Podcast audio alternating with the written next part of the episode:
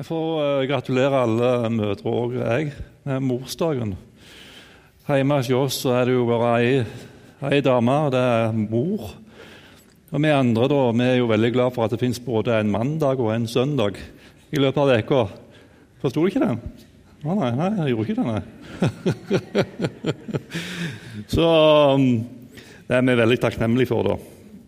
Så i morgen er det mandag, og i dag er det søndag. Men det er ikke det vi skal snakke om i dag, da. Vi skal snakke om uh, Vi skal ta faktisk og fortsette litt på den det Njål prata om her uh, for noen søndager siden, om den samaritanske kvinna. Men før vi går inn på det, så skal vi bare be til Gud i fortsettelsen. Herre Jesus Kristus, jeg uh, takker og priser deg for um, ditt hellige navn. Herre Jesus, jeg takker og priser deg for, for den du er. Herre Jesus, jeg takker og priser deg for at du aldri forandrer deg. Og så takker jeg og priser deg for at du alltid elsker oss. Og så ber jeg om at du må komme oss nær, møte oss i fortsettelsen vi skal snakke om nå. Kom, Hellige Ånd, og kom, Jesus. Tal inn i vår liv og gjør ditt verk i ditt navn. Amen. Vi skal altså fortsette litt på den teksten som Njål hadde for seg i, for noen søndager siden. og Njål han førte oss jo på en veldig flott måte inn i denne teksten. Så jeg vil bare anbefale dere om å gå inn på podkasten og, og lytte til talen. For jeg kommer ikke til å rette opp noe av talen hvis noen skulle tro det. da. Det har ikke jeg noen planer om. Men vi skal prøve å bore litt dypere i noen detaljer som, uh, fra denne teksten som uh, Njål hadde med i, i uh, sin preken. Vi skal faktisk bruke to søndager til på denne teksten. Og Neste søndag skal vi snakke litt om Jesus som forbilde for oss i møte med mennesker. Men denne søndagen her skal vi snakke om vårt møte med Jesus, med utgangspunkt i denne teksten, der vi ser en Jesus som ser tvers igjennom denne kvinna, og som likevel elsker henne. Eh, et kort resymé for, for de av dere som ikke var med og hørte talen til Njål. Jesus han er altså på vei. Denne teksten finner du i Johannes evangeliet kapittel 4. Og Jesus han er på vei fra den ene enden av Israel til den andre. Han eh, valgte av egen fri vilje å gå gjennom området Samaria, noe som var veldig uvanlig for en jøde. For i området Samaria bodde det et folkeslag som jødene ikke akkurat var bestevenner med. Disiplene de går inn i byen for å kjøpe mat. Jesus han sitter igjen med brønnkanten og venter til de kommer tilbake igjen. Og Mens han sitter der, så kommer det ut ei kvinne fra byen for å hente vann. Det var et uvanlig tidspunkt å gå ut for å hente vann. Normalt så pleide de å gå ut til brønnen for å hente vann om ettermiddagen og kvelden når det var litt svalere i lufta. Og Da pleide folk å ikke bare hente vann, men de samla seg der for å snakke om dagens hendelser og samtidig få med seg det som var av nytt det var på en måte datidens nyhetskanal, det som skjedde der ute på kvelden ved brønnkanten. Denne kvinna gjør altså noe uvanlig med å gå ut midt på dagen. Men det var kanskje ikke så rart likevel. For det, det, for det midt på dagen så var hun nærmest garantert til å ikke treffe noen andre der ute. Og med det livet hun hadde levd med flere ulike menn, så var det kanskje ikke så rart at hun prøvde å unngå å treffe folk. Um, hun ville unngå å treffe disse nedsettende blikkene fra alle andre mennesker. Og Det en ser i hennes liv, det er at skammen den var veldig framtredende i denne kvinna sitt liv. Hva er Skam for noe. Det gikk jo en uh, serie på NRK som hadde navnet Skam. Vet ikke om noen har sett på det. Jeg har faktisk sett noe av den serien, ikke for å underholde meg sjøl, men faktisk for å se, få et lite blikk inn i, innblikk i det som er ungdomskulturen. Der en eh, skal bli akseptert, der en skal komme inn i lag med andre mennesker, og der òg skam er en veldig stor del av deres liv. Um, vi sier ofte at vi skammer oss. Vi har gjort noe dumt som andre har oppdaga.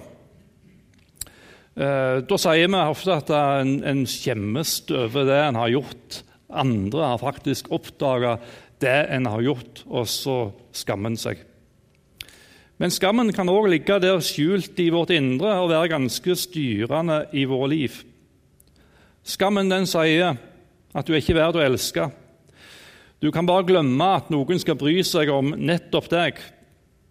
Skammen kan faktisk òg gjøre at vi trekker oss unna andre mennesker. Det kan jo være at noen her i dag er akkurat i samme situasjonen som denne kvinnen var. Du har gjort, du har sagt eller du har tenkt noe som du skammer deg over.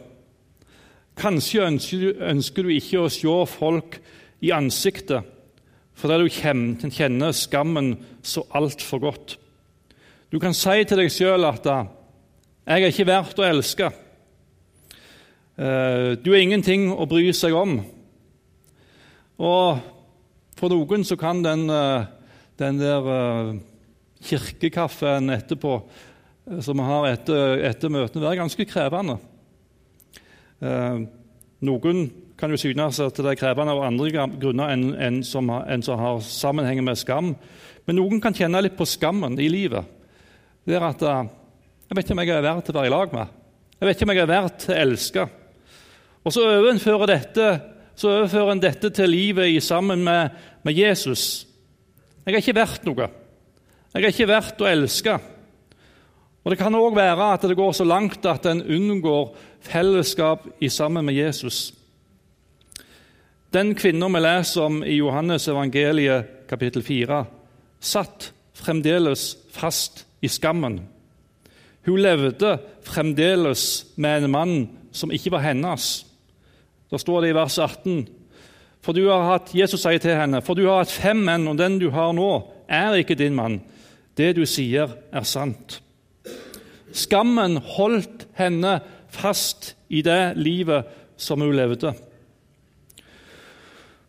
Og Sånn kan faktisk også skammen hindre oss i å komme videre i vårt eget liv. Det kan være at skammen holder deg fast i synd som du ikke kommer deg fri ifra. Du vet at du har brutt Guds gode vilje for, for livet ditt. Du vet at du som vi sier på godt jærs, du har drept skikkelig på draget. Um, og så heller skammen deg fast. Du vet at livet ditt skulle ha sett så mye annerledes ut. Kanskje Jesus sitt møte med denne kvinna kan gi deg hjelp inn i ditt eget liv. For sannheten er jo det at vi er alle i samme båt. Selv om ikke alle har gjort noe galt som andre har lagt merke til sånn veldig sterkt, så står vi alle med syndene våre overfor Gud og trenger Guds nåde. Og Det var det denne kvinnen fikk lov til å oppleve som den frigjørende krafta inn i hennes liv. Jeg har lyst til at du skal ta med deg noen ting inn i denne teksten, her, inn i Jesus sitt møte med denne kvinnen. Ehm, for ehm, hun visste ikke Altså denne kvinnen her, hun visste ikke at Jesus visste alt om, om henne. Men Jesus han visste faktisk alt. Han visste at hun fremdeles satt fast i synd. Han visste at hun levde på en måte hver dag i brudd på Guds gode vilje for hennes liv. Han visste at hun ikke hadde kommet seg fri. Han visste at nå, når hun går ut til brønnen, så er det helst for å unngå blikkene for de andre. Midt på dagen. Treffer ingen folk. De har sine gjester. De slapp av hjemme. Ingen folk ute med brønnen. Um, og han visste òg, for Jesus han vet jo alt om oss, at hun nok hadde et komplisert forhold til menn. Um, han kjente henne tvers igjennom. Ingenting var skjult for han. Uh, jeg vet ikke hva vi ville gjort. Jeg tenkte på det når jeg forberedte meg. Tenk hvis vi kom her på, kom her på søndagsmøte i Betlehem. Og så skulle vi visst alt om hverandre. skulle visst absolutt alt. Um, om Runar og om Pål og om alle dere andre. Tenk hvis vi hadde visst alt om hverandre. Ikke bare det vi ser når vi kommer på et søndagsmøte men vi faktisk hadde visst alt. Alt vi hadde sagt, alt vi hadde gjort, alt vi hadde tenkt. Det hadde vært et himla liv. Det tror jeg absolutt det hadde blitt. Jeg tror ikke det hadde vært sånn kjempegøy å være her. Jeg hadde iallfall ikke syntes det var kjekt å være her hvis du hadde visst alt om meg. Og Sånn kan vi ha det i, i, i, i våre egne liv. Men jeg har lyst til at du skal ha det bildet med deg inn i, inn i denne teksten her. For Jesus han vet faktisk alt om denne kvinna. Fra starten av hennes liv til, slutt, til det punktet da han står framfor denne kvinna denne dagen, her, så vet han alt om denne kvinna. Så tenker jeg da, hvis vi hadde vært i, hvis vi hadde vært Jesus sine sko, da eh, Hvordan er det vi ville ha reagert i, i en sånn situasjon? Um, for Jesus han, han kunne jo egentlig bare ha sittet der ved brønnen, latt som ingenting. Kvinner kommer og henter vannet, går tilbake igjen til byen. Jesus hadde for så vidt ikke gjort noe galt. Sant? Det er vi enige om. Han hadde for så vidt ikke gjort noe galt. Var, og kanskje når vi ser på hva Jesus egentlig gjorde For han begynner jo å snakke med denne kvinnen. Han begynner å snakke med denne kvinnen. Og jeg tenker, Med den kunnskapen som Jesus satt med, at han da i hele tatt åpna munnen og snakka med kvinner Det er for meg å viser noe av Guds nåde. Men det er det faktisk Jesus gjør. Jesus viser her sitt sanne ansikt. Han vet at denne kvinnen trenger å få verdigheten tilbake. Og Jesus begynner å snakke med denne kvinnen. Og så sier han det. 'La meg få drikke.' La meg få drikke. Jeg er tøst, jeg trenger vann. Og med en gang så sperrer øynene opp. Og så sier du, 'Hvordan kan du som en jødisk mann spørre meg som en samaritansk kvinne om å få vann?' Hun blir helt overrasket av Jesus sin tilnærming til henne. Og Så kan du lese videre i denne samtalen som Jesus hadde med denne kvinnen der hun virkelig fikk lov til å møte en mann som viste henne respekt. En mann som var kanskje annerledes enn andre menn hun hadde opplevd tidligere i sitt liv. En mann som ikke bare ga henne respekt som menneske, men en mann som òg fikk lov til å gi henne det levende vannet. Hun gikk jo inn i byen og Så sa hun det, 'Kom og se en mann som har fortalt meg alt jeg har gjort.' 'Han skulle vel ikke være Messias.' Og så ble livet til denne kvinna totalt forandra. Hvorfor? Hun møtte en som så henne tvers igjennom, og som likevel elsker henne. Jesus han kalles for tolleres og synderes venn. Og det er jeg veldig glad for. For det er jo altså, det er ingen av oss som er tollere, men, ja, kanskje det var det, men, men, men, men vi er jo alle syndere. Vi er alle i samme båt. Og Jesus han kalles for tolleres og synderes venn. Det står i Lukas evangeliet kapittel 15 vers 1 at tollere og syndere holdt seg nær til Jesus for å høre ham. Så sitter vi da her, og så kan vi kjenne vi kan kjenne oss igjen i noe av denne kvinna her. Eh, vi kan kjenne oss igjen at det er noen ting vi skjemmes over i våre egne liv. For noen så kan det være noe som har skjedd for mange mange år siden. Og Mens jeg nå står og preiker om det, så dukker det opp igjen. Og For andre så kan en kjenne på skammen over ting en har gjort. og kanskje en dog òg sitter fast i synd som du fremdeles sliter med. Og så tenker du hadde du bare visst, hadde folk bare visst hvem jeg virkelig var, så ville de aldri ha elska meg. Men Jesus han ser deg tvers igjennom.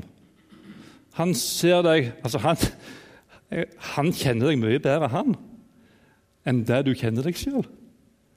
Du tror kanskje at du kjenner deg sjøl, og jeg tror vi kjenner oss noenlunde greit, men, men Jesus han kjenner oss helt til bunns.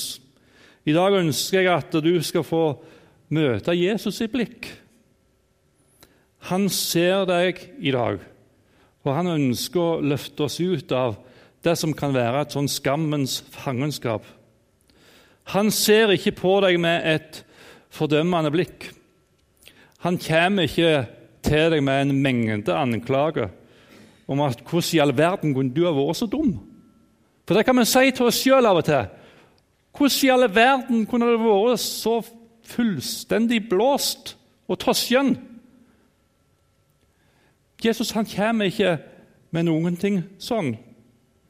Han ser på deg med et blikk av kjærlighet. Han ser på deg med et blikk av også respekt som menneske. Og han ønsker å løfte oss ut av, av eh, skammens fangenskap. Han ønsker å løfte oss ut der vi får lov til å bli virkelig tatt av Hans nåde. Det var jo den kjærligheten som drev Jesus til korset. Vi skal lese fra Romerbrevet kapittel 5. Der står, vi, der står det fra vers 6 Jeg synes dette, dette, her er noe av det mest jeg har lest det før. Jeg kommer til å lese det igjen. Disse versene fra Romerbrevet kapittel 5 og fra vers 6. Mens vi ennå var svake, døde Kristus for ugudelige da tiden var inne. Og ikke sånn at Gud så det oppe i himmelen der, og så tenkte han at nå må jeg, nå må jeg vente til de blir sterke. Så skal jeg vise meg for dem at jeg er glad i dem. Jeg er så glad for at det står at mens vi ennå var svake, døde Kristus for ugudelige da tiden var inne. Selv for et rettskaffent menneske vil neppe noen gå i døden, eller kanskje vil noen gjøre det for en som er god. Men Gud viser sin kjærlighet til oss ved at Kristus døde for oss mens vi ennå var syndere. Gud satt ikke oppe i himmelen og så ventet han på at eh, ok, Glenn han står med ryggen til meg. Nå venter jeg på at han iallfall skal gi et lite sånn blikk bak til meg. Aha, ja. Da kan, da kan, da kan jeg begynne å vise kjærlighet til Glenn. Mens jeg nå står der med ryggen imot Gud og ikke tenker på Gud i det hele tatt, så viser Gud sin kjærlighet til oss ved at Kristus døde for oss. Um, han ser deg tvers igjennom, og så elsker han deg likevel. Så er han uendelig glad i deg. Mer Altså, Jeg har jo kone som er glad i meg, og jeg tror jo at du er glad i meg litt for at jeg er en grei kar. sant? Men Gud er ikke glad i oss fordi vi er greie, fordi vi er flotte. Han er glad i oss fordi han bare elsker oss. Og Dette er jo noe som viser seg gjennom i hele Nytestamentet. Bare tenk på, bare tenk på tolleren Sakkeus. Bare tenk på tolleren Sakkeus. Hvordan han måtte kjenne på skammen for det livet han hadde levd møte blikkene fra alle disse som syntes han var en, en, stor tosk som satt der og krevde inn penger, og kunne ta inn mer penger enn det som han hadde, hadde lov til å gjøre. Lurt penger fra mennesket. Og så henvender Jesus seg direkte til han. Da han sitter oppe i treet for å få øye på Jesus. 'Sakkeus, du må komme ned. Jeg må inn til deg. Jeg må inn i ditt hus.' Og så får Sakkeus både verdigheten som menneske, men så får han òg frelse inn i sitt eget hjerte og inn i sitt eget liv. Jesus så tvers igjennom han. Tenk på disiplene, da, som svikta Jesus så fullstendig. De gjemte, de gjemte seg bak stengte dører. For noen folk, altså. Hæ? De stengte seg bak stengte dører. Eller de gjemte seg bak stengte dører. Jesus han rygger ikke unna. Og så tenker han som så at ja, når de svikter meg, hvorfor i all verden skal jeg bruke mer tid på de der folka der? Det kunne vi ha tenkt. Men Jesus gjør ikke det. Hva er det han gjør for noe? Han oppsøker dem. Han kommer der inn bak stengte dører, og så møter han blikket deres. Og så sier er ikke det han sier at Hvordan i all verden kunne dere vært så tøskne? Dere svikta meg jo så totalt. Jesus som kjente de tvers igjennom, sier det. Fred være med dere. Og Jeg ser på, jeg ser på en måte øynene til Jesus, hvordan de, hvordan de lyser av nåde, tilgivelse og kjærlighet inn i deres liv, de som nettopp hadde svikta han. Tenk på Peter, hvordan han måtte kjenne på skammen um, i sitt liv og skylden for det han hadde gjort. Så møter Jesus Peter der ved Genesaretsjøen så spør han ganske enkelt elsker du meg, Peter. Elsker du meg, Peter? Så blir Peter løfta ut av den skammen han var i. Tenk hvis Peter hadde blitt værende der. Men Peter sto jo fram med frimodighet på pinsefestens dag som et nytt menneske. Paulus, han som forfulgte Guds menighet, kaller seg selv for den største av alle syndere, det minste av alle de hellige, var ikke verd til å kalles apostel. For, for en mann, altså! For en mann! Uh, og Når du leser noe av det han gjorde mot de kristne uh, Og så likevel så oppsøker Gud, så oppsøker Jesus denne Paulus.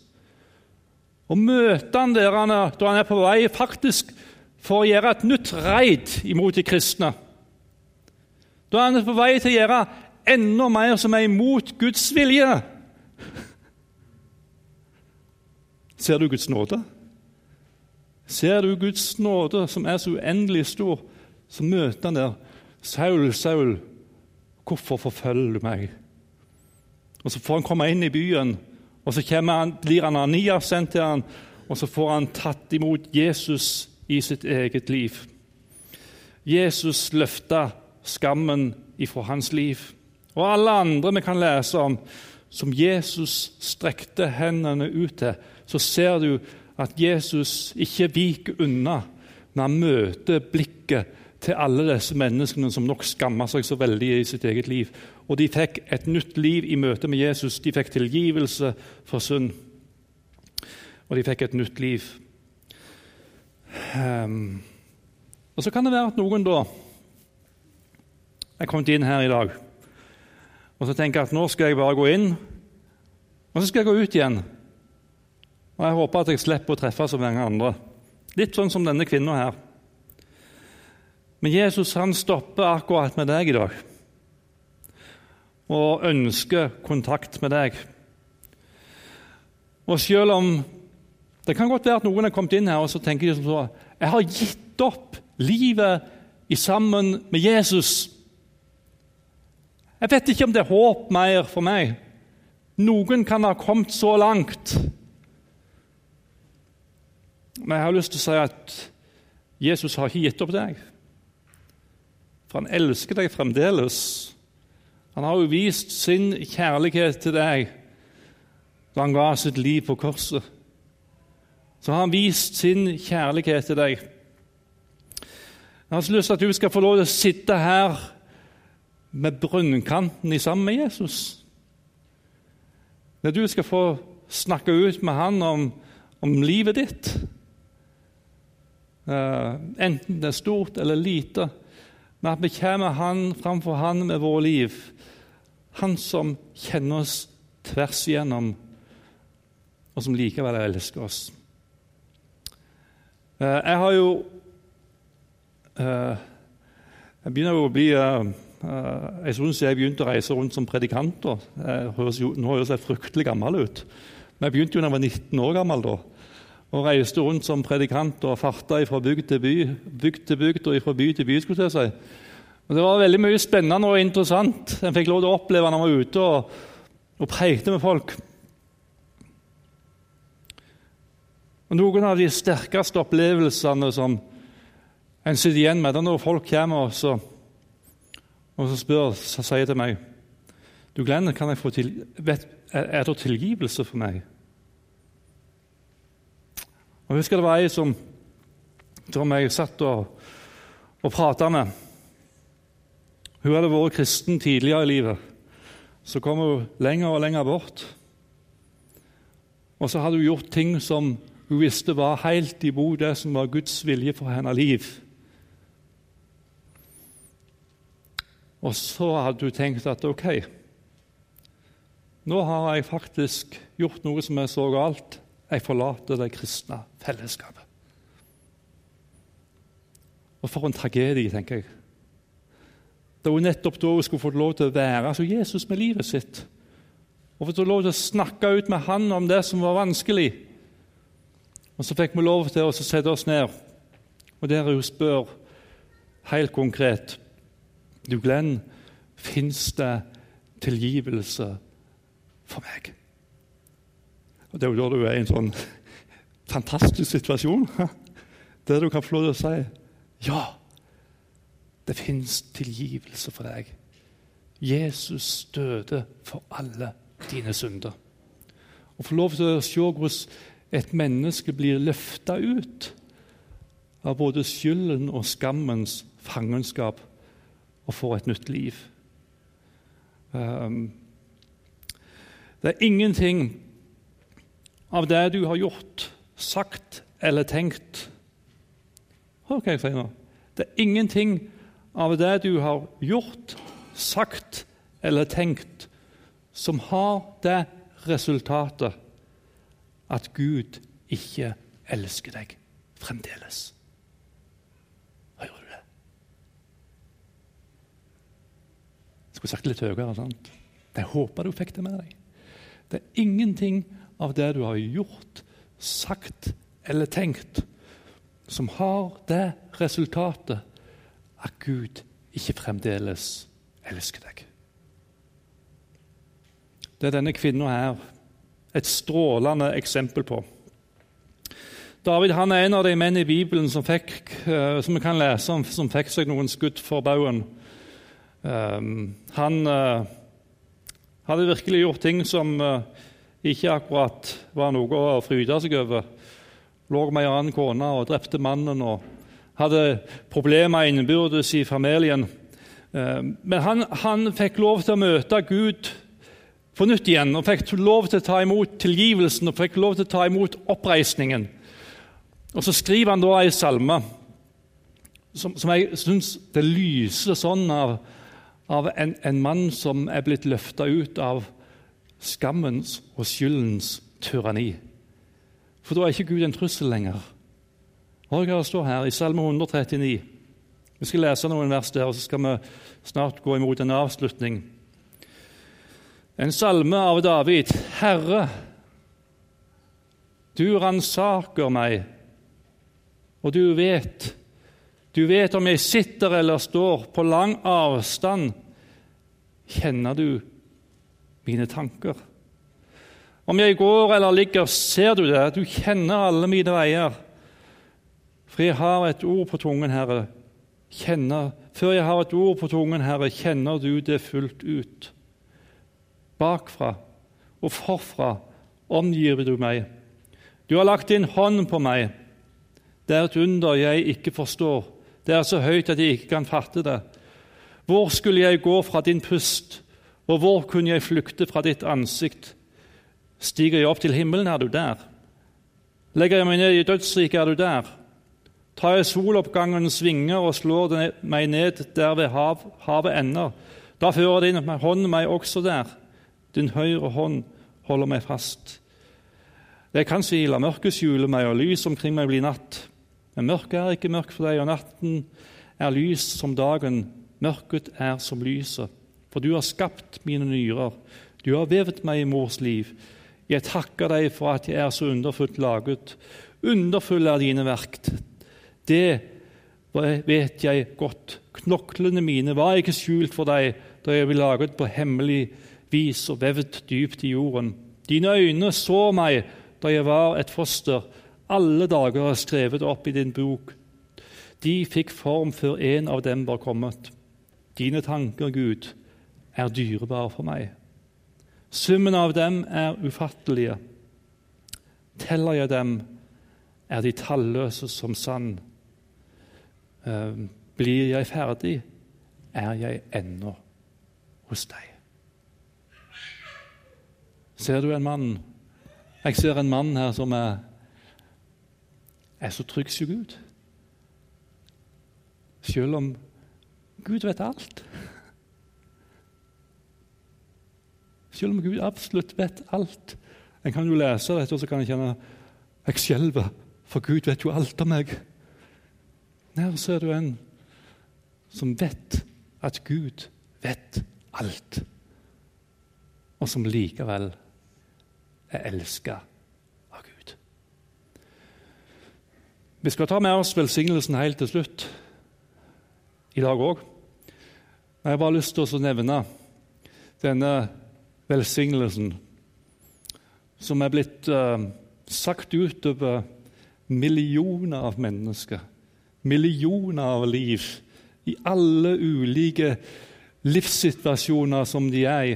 Denne aronittiske velsignelsen som er så utrolig flott. Der det står 'Herren velsigne deg og bevare deg'. Og så står, hør hva står videre. Og så, Da kan vi tenke på alle de liv og dette er sagt innover. Herre, la sitt ansikt lyse over deg og være deg nådig. Så ser du et blikk ifra Gud som lyser av kjærlighet imot oss. Herren løfter sitt ansikt mot deg og gir deg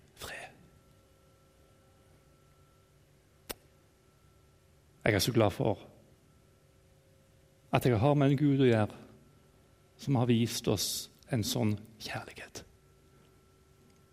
Men Jesus, jeg har bare lyst til å ære deg. Jeg har lyst til å takke deg enda en gang for din store nåde og din kjærlighet. Og Jeg blir aldri, aldri ferdig med, Herre og takke deg. Og En gang skal jeg få lov til å takke deg for alltid.